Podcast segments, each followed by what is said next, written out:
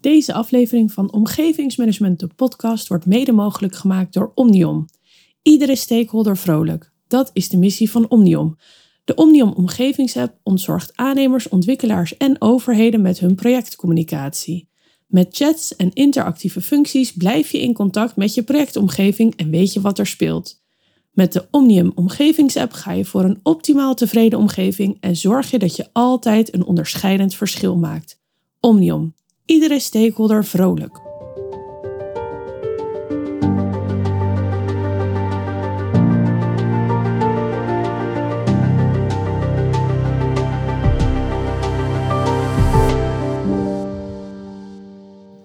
Welkom bij een nieuwe aflevering van Omgevingsmanagement, de podcast. Mijn naam is Carlijn Bergsoef en mijn gast van vandaag is Guido Dik. Welkom Guido.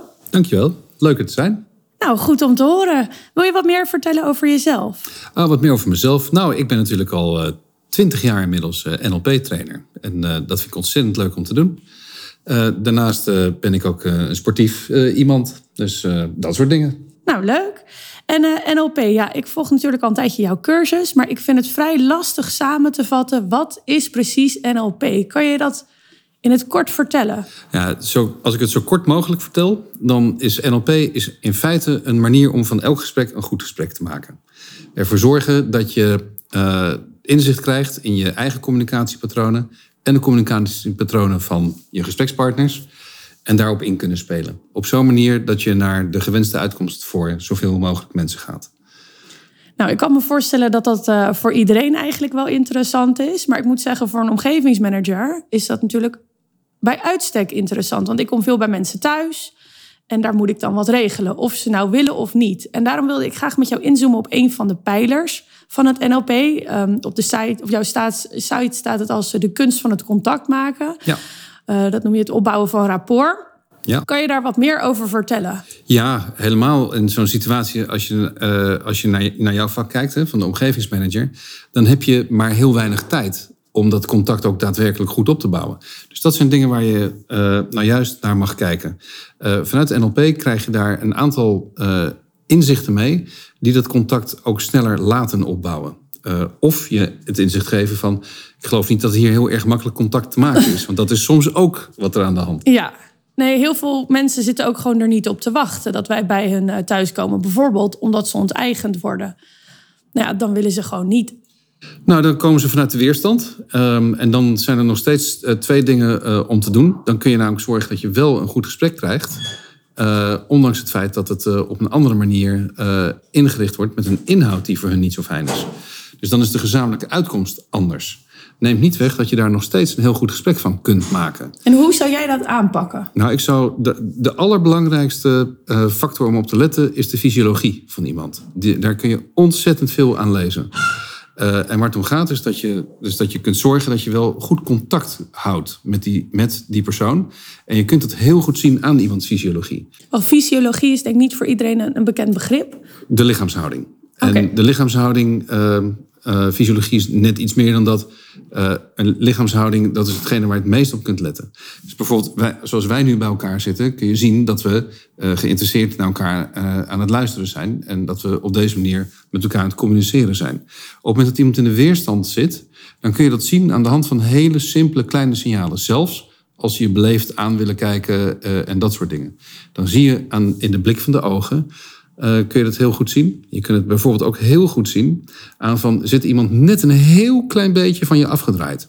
En daarom zeggen we ook altijd dat uh, de communicatie boven tafel net zo belangrijk is als de communicatie onder tafel.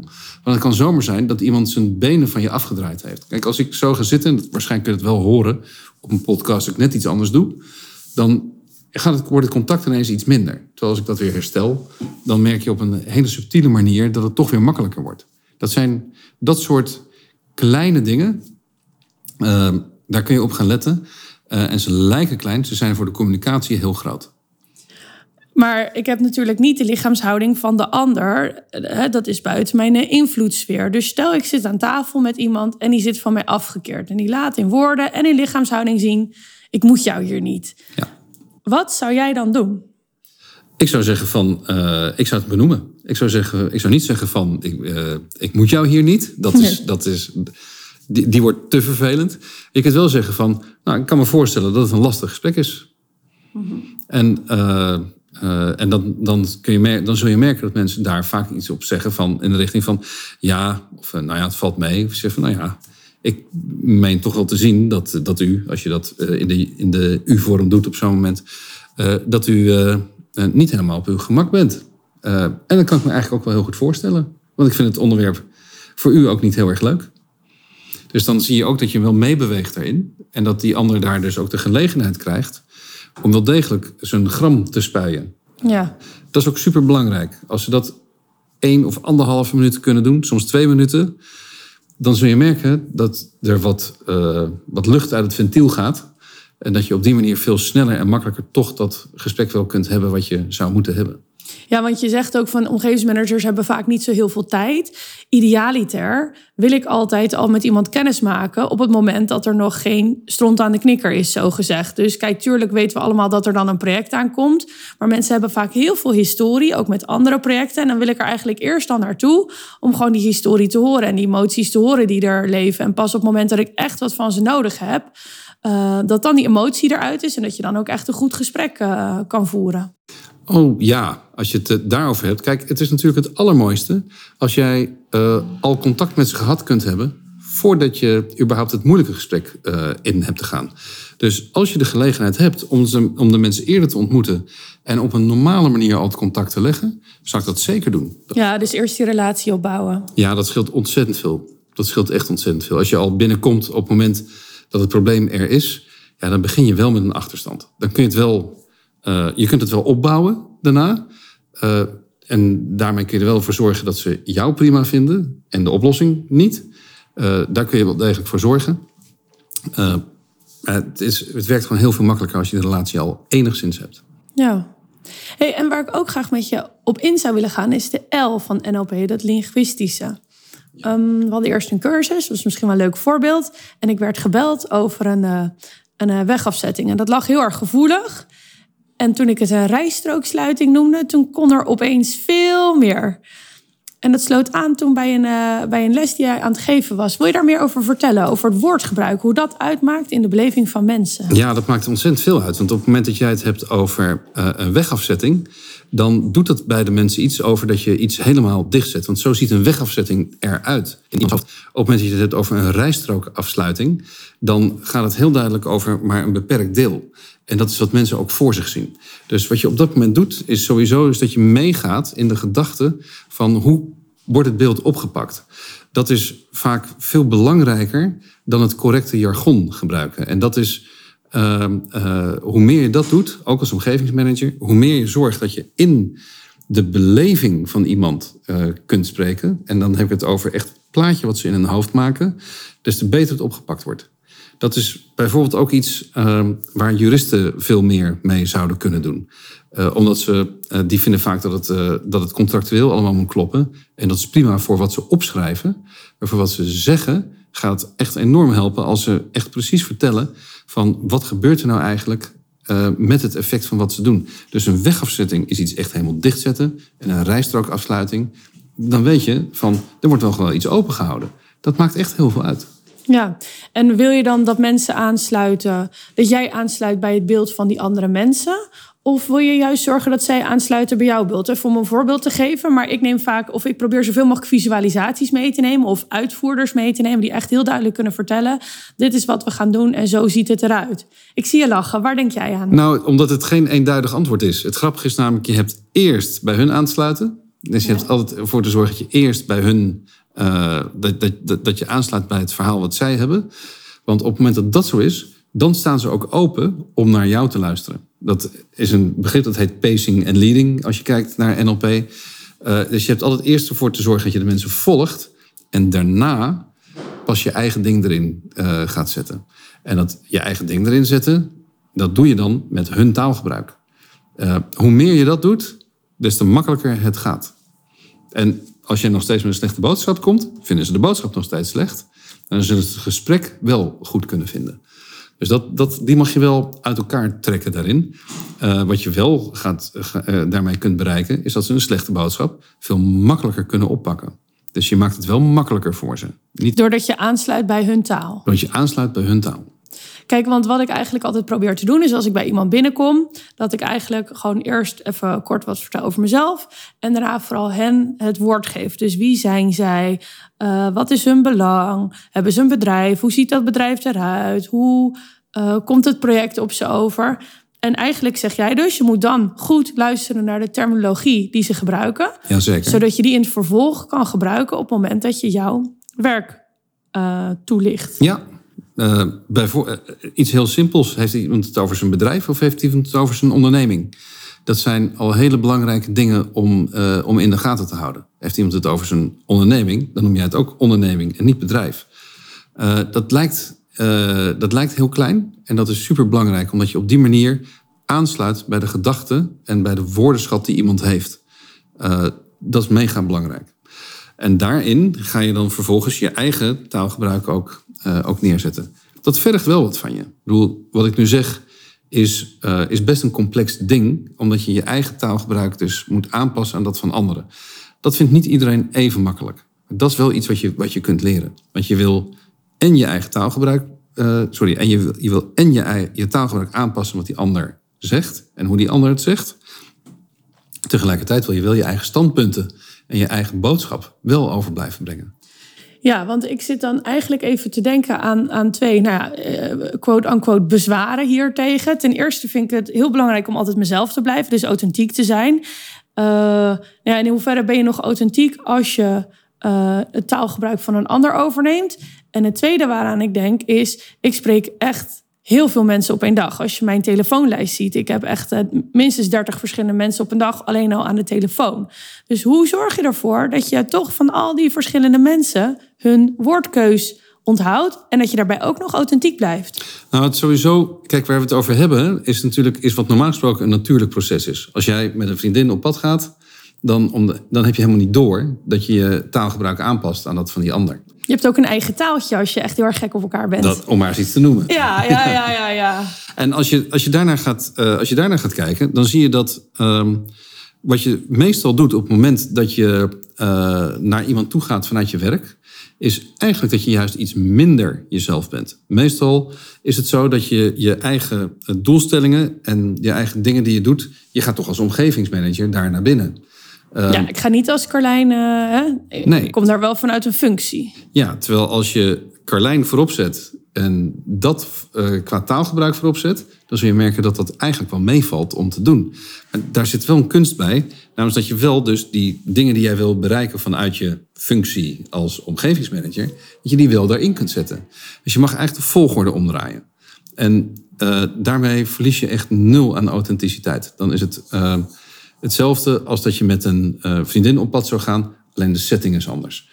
Uh, en je gaat het hekje wat ertussen zit, normaal gesproken, namelijk dat hekje van ik heb functie X of Y, ga je er tussen uithalen. Dus je wordt eerder meer Carlijn dan minder Carlijn als je het op deze manier doet. Het tweede wat je zegt hè, is heel duidelijk, is van als je met heel veel mensen op een dag uh, aan de telefoon zit, om het nou met 30 verschillende mensen te doen, dat kan wel een lastige zijn. Dus daarin zou ik zeggen van bepaal in elk geval die gesprekken waarin het meest alert wilt zijn. En uh, als je daar een gesprek of vijf, zes in eerste instantie voor benoemt, dan zul je merken dat dat, uh, dat, dat je enorm helpt. Uh, betekent dat dan dat je in die andere gesprekken het helemaal laat varen? Nee, je neemt altijd wel wat mee. Maar, uh, daar het gaat meer om de focus. Het gaat om de focus, ja. Wat, okay. zijn de, wat zijn de belangrijkste? Ik kan me niet voorstellen dat van 30 gesprekken ze allemaal even belangrijk zijn op dat moment. Nee. Dus, dus om die reden zou ik zeggen van uh, make your choice. Dus dat is bepaal van tevoren waar wil je dat echt hebben. Je zult ook merken dat als je dat doet, dan uh, heb je ook voor die gesprekken ben je scherper, heb je meer focus. Uh, dus überhaupt behulpzaam om te doen. We hebben het nu gehad over lichaamshouding van iemand. We hebben het gehad over taalgebruik, hoe je dat kan gebruiken om, uh, om, om, om, om die relatie te verbeteren. Zijn er nog meer dingen vanuit de NLP waarvan je zegt, joh, dit kan helpen om contact te maken? Uh, in het contact maken uh, zit het ook heel erg in dat je heel goed let op de non-verbale signalen die er zijn. in de wetenschap dat hoe meer je ook het non-verbale contact ook daadwerkelijk hebt, dat dat, dat, dat gewoon enorm, enorm meehelpt. Uh, en wat bedoel ik daarmee? Dat is dan uh, is van als je een glimlach krijgt, dan heb je van nature de neiging om die te beantwoorden. als je daar een beetje op let dat je dat ook daadwerkelijk doet, dus dat je daarmee dat proces voorrang geeft boven je inhoud, dan zul je merken dat dat, dat, dat enorm meehelpt. Die, met name die non-verbale signalen zijn, zijn, zijn mega belangrijk. Uh, wat je in NLP natuurlijk ook leert, is om te, is op te letten van wanneer verandert de non-verbale uh, kracht die iemand op dat moment uh, aan het zetten is. Uh, het zit hem ook vaak in hele kleine bewegingen, in, in, in schoksgewijze bewegingen, waardoor je kunt weten van er gebeurt hier iets met het non-verbale. Het non-verbale overigens is iets wat je, als je dat opmerkt, uh, dan is dat iets wat je benoemt op het moment dat het niet de goede kant uit gaat. Als het de goede kant uit gaat, alles laten, gaan zoals het is. Uh, want als het gesprek lekker loopt, dan gaan we nooit iets verstoren. Het gaat altijd om, op het moment dat het gesprek niet gaat zoals je hoopt dat het zou gaan, dan kun je uh, prima bijsturen. en dan is nog steeds het meest eerlijke en het meest handige, is om het gewoon te benoemen. Is dat je, en soms kan het gewoon zijn dat je zegt van, ehm, ik zie dat je, ik, ik ik zie dat je, dat je onrustig wordt hiervan. Als iemand ineens onrustig begint te, te bewegen. Dat zijn hele simpele, hele simpele manieren om dat non-verbale wel kracht bij te zetten. En um, als je dat dus in hele kleine stukjes doet in je, uh, in je gesprek, dan verandert je gesprek behoorlijk. En dat is misschien ook goed om te benadrukken. Het stukje techniek waar wij het nu over hebben, lijkt alsof dit ontzettend de boventoon uh, uh, moet voeren. En dat is het alleen maar op het moment dat je het voor het eerst aan het trainen bent. En als je dan op een gegeven moment merkt van, oh wacht eens even, daar let je dan op en daar let je dan op. Dan zul je merken dat het iets kleins is. Ook voor jou iets kleins is. Het is dus in plaats van te zeggen van dit is alles wat je, waar je vanaf nu op moet letten, is het juist iets wat je in de zijlijn als het ware meeneemt. Op het moment dat je daar een beetje in getraind bent, dan zul je merken dat je het van nature gaat benoemen. Nou, dat is waar we naartoe willen. Dus het gaat er juist om dat het iets, uh, iets natuurlijks, kleins is wat je erbij krijgt. Uh, wat wel een ongelooflijk groot verschil kan maken. Is het net als met autorijden, dat je in het begin een beetje error krijgt, omdat je hierop moet letten en daarop en daarop en zus en zo? En als je eenmaal getraind bent en je bent gewend, dat het gewoon heel soepel gaat en dat het allemaal niet zoveel meer voorstelt. Ik denk dat we allemaal onze eerste remingreep van de rijinstructeur nog kunnen herinneren. Dat was vervelend. Uh, en dat was wel een mooi leermoment. Ja. Uh, en later denk je van, het is toch echt bijzonder dat ik daar ooit een, rijingreep voor, uh, een remingreep voor gehad heb. Denk van, dit doe ik gewoon automatisch. Ja. Dat is waar het op neerkomt. En dat, daar, die vergelijking is ook wel goed. Met dit verschil dat dit makkelijker te leren is dan, dan wat je met het autorijden doet. Omdat het autorijden uiteindelijk iets, iets, iets wat veel mechanischer is. Dan communiceren met mensen. meer. Ja, en communiceren met mensen is heel natuurlijk. Ja. Stel nou dat omgevingsmanagers dit horen en die denken: jeetje, NLP, ik wil er meer over leren. Wat, hoe kunnen ze zich daar dan goed in verdiepen? Even los van de cursussen die je aanbiedt vanuit de NLP.nl. Um, ehm, als ze daar naar kijken, dan ik zou zelf zeggen van uh, dat wel vanuit NLP.nl overigens, dat is een, een, wel een handige manier om daar naar te kijken. Dan, kun je, dan krijg je meer te weten over waar wij het nu bijvoorbeeld over hebben. Uh, dan kijk je naar de kennismaking, de gratis kennismaking die we hebben op online-nlp.nl. Uh, daar heb je. Uh, dat, duurt, uh, dat duurt drie kwartier, maar je kunt zelf opknippen en wanneer je die filmpjes wil kijken. dan heb je een stuk verdieping. Ehm, als je wil zoeken naar ja, wat meer schriftelijke dingen. is één boek wat ik echt wel een aardig boek vind. En dat is het boek NLP voor Dummies. Ja, ja ik vind het gênant om hem in de woonkamer te leggen. Maar ja, ik vond het wel een goed boek, ja. Ja, het is gewoon een goed boek. Weet ja. je, dus dat is dat het voor dummies is, betekent alleen maar dat zij uh, gedwongen worden uh, om het uit te leggen op een manier die je begrijpt. En dat is nou precies eigenlijk wat ik ook bedoel te zeggen met van uh, als je je taalgebruik aanpast, dan komt het, dan komt het goed. Ja. Dat is de reden waarom NLP voor Dummies een goed boek is. Moeten wij dan als omgevingsmanagers ook gaan communiceren voor dummies? Voor dummies? Uh, in de zin van mensen die niet weten wat omgevingsmanagement is. Ja. Uh, en daarmee dus uh, op, alsof het een gesprek is wat je in de kroeg aan het doen bent. Als het op dat niveau begrepen kan worden, dan weet je zeker dat het aanslaat. Ja, ja mijn test is altijd, zou mijn moeder het begrijpen? Om, eens, om maar eens iets te noemen. Ja. ja. ja. Guido, ik wil je heel graag bedanken voor je tijd. Leuk om je verhaal te horen. Graag gedaan. Mooi. Nou, en mocht je het leuk vinden om uh, meer te leren over omgevingsmanagement, dan kan je op 13 september aansluiten bij mijn eerstvolgende cursus. Bedankt voor het luisteren.